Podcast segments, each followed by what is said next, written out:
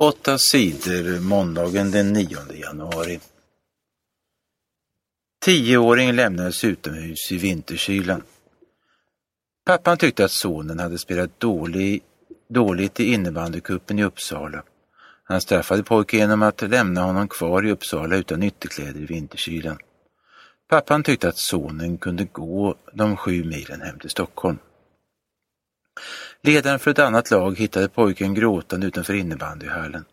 Han såg till att pojken fick skjuts till sitt hem i Stockholm. Den här föräldern har uppträtt bedrövligt, säger Karin Mattsson Weibers på Riksidrottsförbundet. Pappan har polisanmälts för det han gjorde mot sin son. Åtta sidor TT.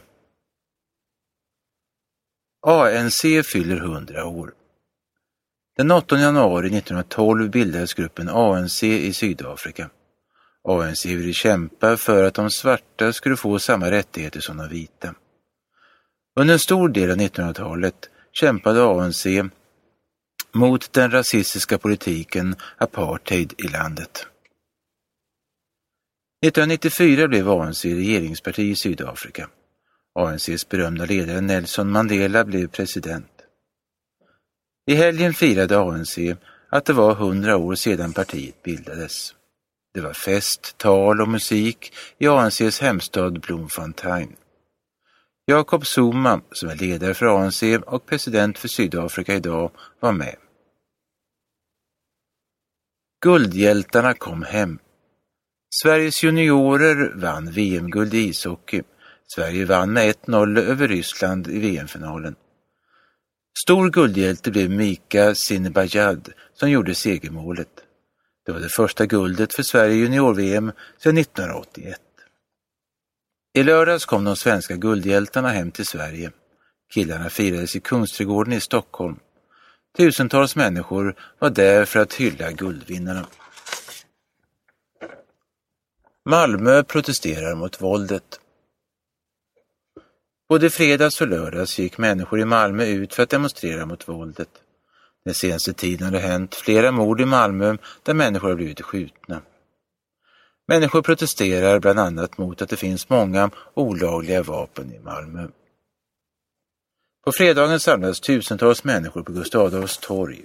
På lördagen hölls en mindre minnesstund för den 15-årige pojken som sköts ihjäl på nyårsnatten. Flera släktingar och vänner till pojken tycker att polisen och regeringen har gjort för lite för att stoppa våldet. Åtta sidor TT. Seger för Schweiz och Polen i Tour de Ski. Dario Colonia vann skidtävlingen Tour de Ski. Ingen av de andra åkarna hade en chans att hota schweizaren i den sista tuffa delen uppför slalombacken Alpe Sermis. Colonia vann överlägset. Marcus Hellner gjorde ett fantastiskt lopp och knep andraplatsen före Petter Northug från Norge. Hellner tog in mer än 40 sekunder på norrmannen.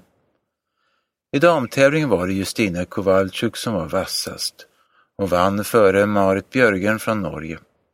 Tredjeplatsen tog Therese Johaug från Norge. Charlotte Kalla blev bästa svenska på sjunde plats.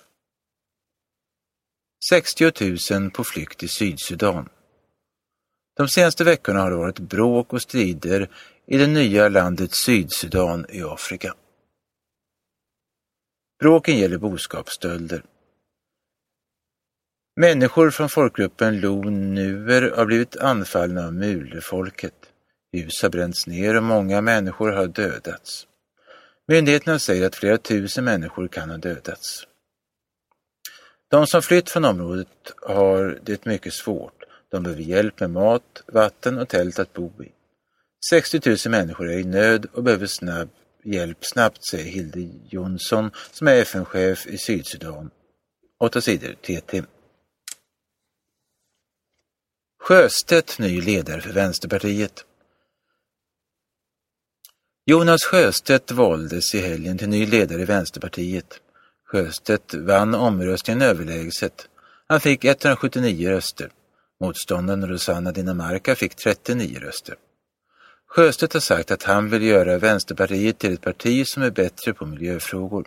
Han hoppas på att ta fler väljare från Miljöpartiet och Socialdemokraterna. De flesta experter tror inte att Sjöstedt kommer att ändra Vänsterpartiets politik särskilt mycket. Jonas Sjöstedt tar över efter Lars Ohly som slutar.